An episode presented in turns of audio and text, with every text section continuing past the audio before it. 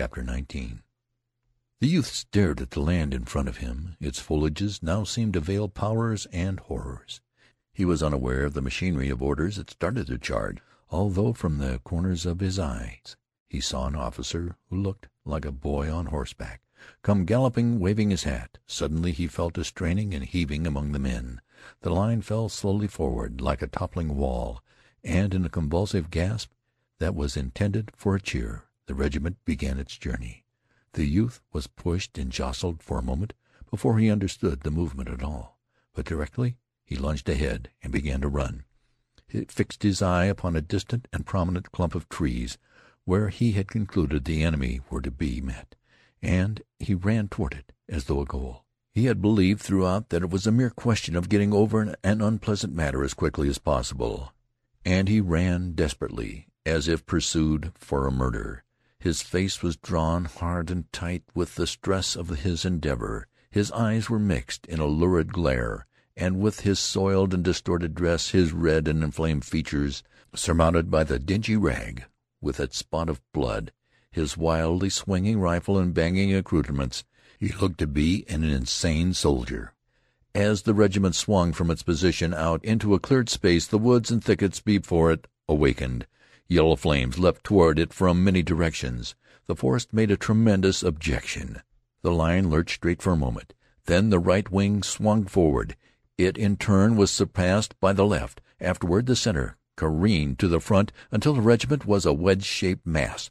But an instant later the opposition of the bushes, trees, and uneven places on the ground split the command and scattered it into detached clusters.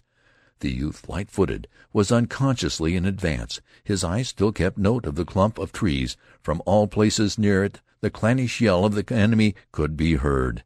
The little flames of rifles leaped from it.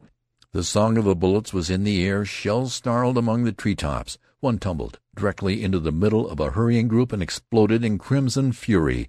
There was an instant spectacle of a man, almost over it, throwing up his hands to shield his eyes.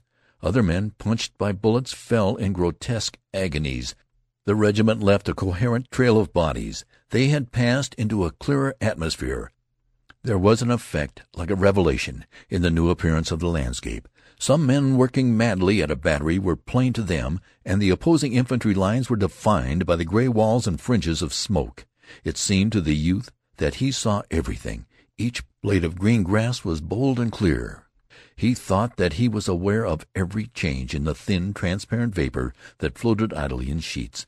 The brown or gray trunks of trees showed each roughness of their surfaces. The men of the regiment, with their starting eyes and sweating faces, running madly or falling as if thrown headlong into queer heaped up corpses, all were comprehended. His mind took a mechanical but firm impression, so that afterward everything was pictured and explained to him, save why he himself was there. But there was a frenzy made from this furious rush. The men, pitching forward insanely, had burst into cheerings moblike and barbaric, but tuned in strange keys that can arouse the dullard and the stoic. It made a mad enthusiasm that, it seemed, would be incapable of checking itself before granite and brass. There was the delirium that encounters despair and death, and is heedless and blind to the odds. It is a temporary but sublime absence of selfishness, and because it was of this order was the reason, perhaps, why the youth wondered afterward what reasons he could have had for being there. Presently the straining pace ate up the energies of the men. As if by agreement, the leaders began to slacken their speed. The volleys directed against them had a seeming wind-like effect. The regiment snorted and blew. Among some stolid trees it began to falter and hesitate. The men, staring intently, began to wait for some of the distant walls of smoke to move and disclose to them the scene. Since much of their strength and their breath had vanished, they returned to caution. They were become men again. The youth had a vague belief that he had run miles, and he thought in a way that he was now in some new and unknown land. The moment the regiment ceased its advance the protesting sputter of musketry became a steadied roar. Long and accurate fringes of smoke spread out. From the top of a small hill came level bleachings of yellow flame that caused an inhuman whistling in the air. The men halted, had opportunity to see some of their comrades dropping with moans and shrieks. A few lay underfoot, still or wailing. And now, for an instant, the men stood, their rifles slack in their hands, and watched the regiment dwindle. They appeared dazed and stupid. This spectacle seemed to paralyze them, overcome them with a fatal fascination. They stared woodenly at the sights, and, lowering their eyes, looked from face to face. It was a strange pause and a strange silence. Then, above the sounds of the outside commotion, arose the roar of the lieutenant. He strode suddenly forth, his infantile features black with rage. "Come on, you fools!" he bellowed. "Come on! You can't stay here. You must come on!" He said more, but much of it could not be understood. He started rapidly forward, with his head turned toward the men. "Come on!" he was shouting. The men stared with blank and yokel like eyes at him. He was obliged to halt and retrace his steps. He stood then with his back to the enemy and delivered gigantic curses into the faces of the men. His body vibrated from the weight and force of his imprecations, and he could string oaths with the facility of a maiden who strings beads. The friend of the youth aroused. Lurching suddenly forward and dropping to his knees, he fired an angry shot at the persistent woods. This action awakened the men. They huddled no more like sheep. They seemed suddenly to bethink them of their weapons, and at once commenced firing. Belabored by their officers, they began to move forward. The regiment, involved like a cart involved in mud and muddle, started unevenly with many jolts and jerks. The men now stopped every few paces to fire and load, and in this manner moved on slowly from trees to trees. The flaming opposition in their front grew with their advance until it seemed that all forward ways were barred by the thin leaping tongues, and off to the right an ominous demonstration could sometimes be dimly discerned. The smoke lately generated was in confusing clouds that made it difficult for the regiment to proceed with intelligence. As he passed through each curling mass, the youth wondered what would confront him on the further side. The command went painfully forward until an open space interposed between them and the lurid lines. Here, crouching and cowering behind some trees, the men clung with desperation, as if threatened by a wave. They looked wild-eyed, and as if amazed at the furious disturbance they had stirred. In the storm there was an ironical expression of their importance.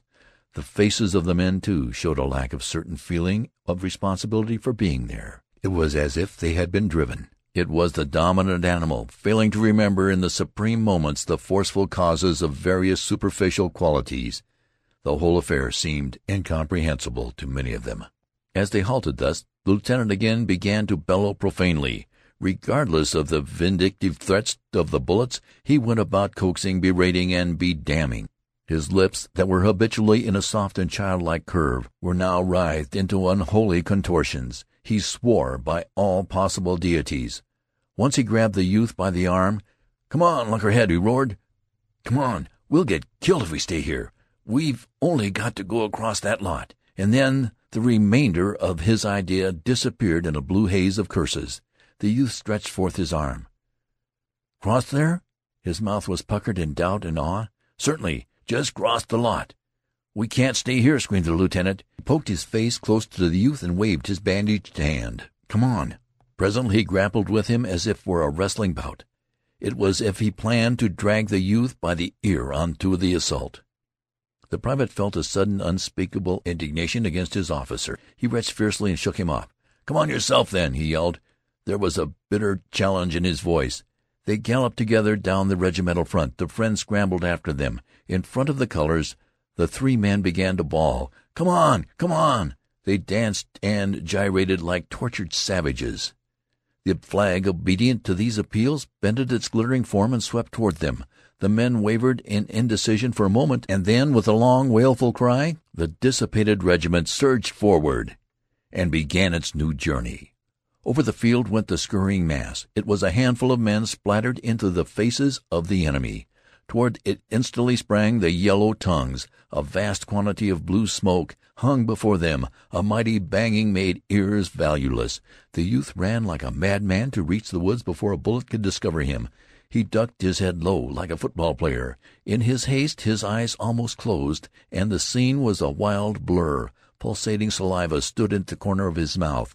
Within him, as he hurled himself forward, was born a love, a despairing fondness for his flag, which was near him. It was a creation of beauty and invulnerability. It was a goddess, radiant, that blended its form with an imperious gesture to him. It was a woman, red and white, hating and loving, that called him with the voice of his hopes. Because no harm could come to it, he endowed it with power. He kept near, as if it could be a saver of lives, and an imploring cry went from his mind. In the mad scramble he was aware that the color sergeant flinched suddenly as if struck by a bludgeon. He faltered and then became motionless, save for his quivering knees.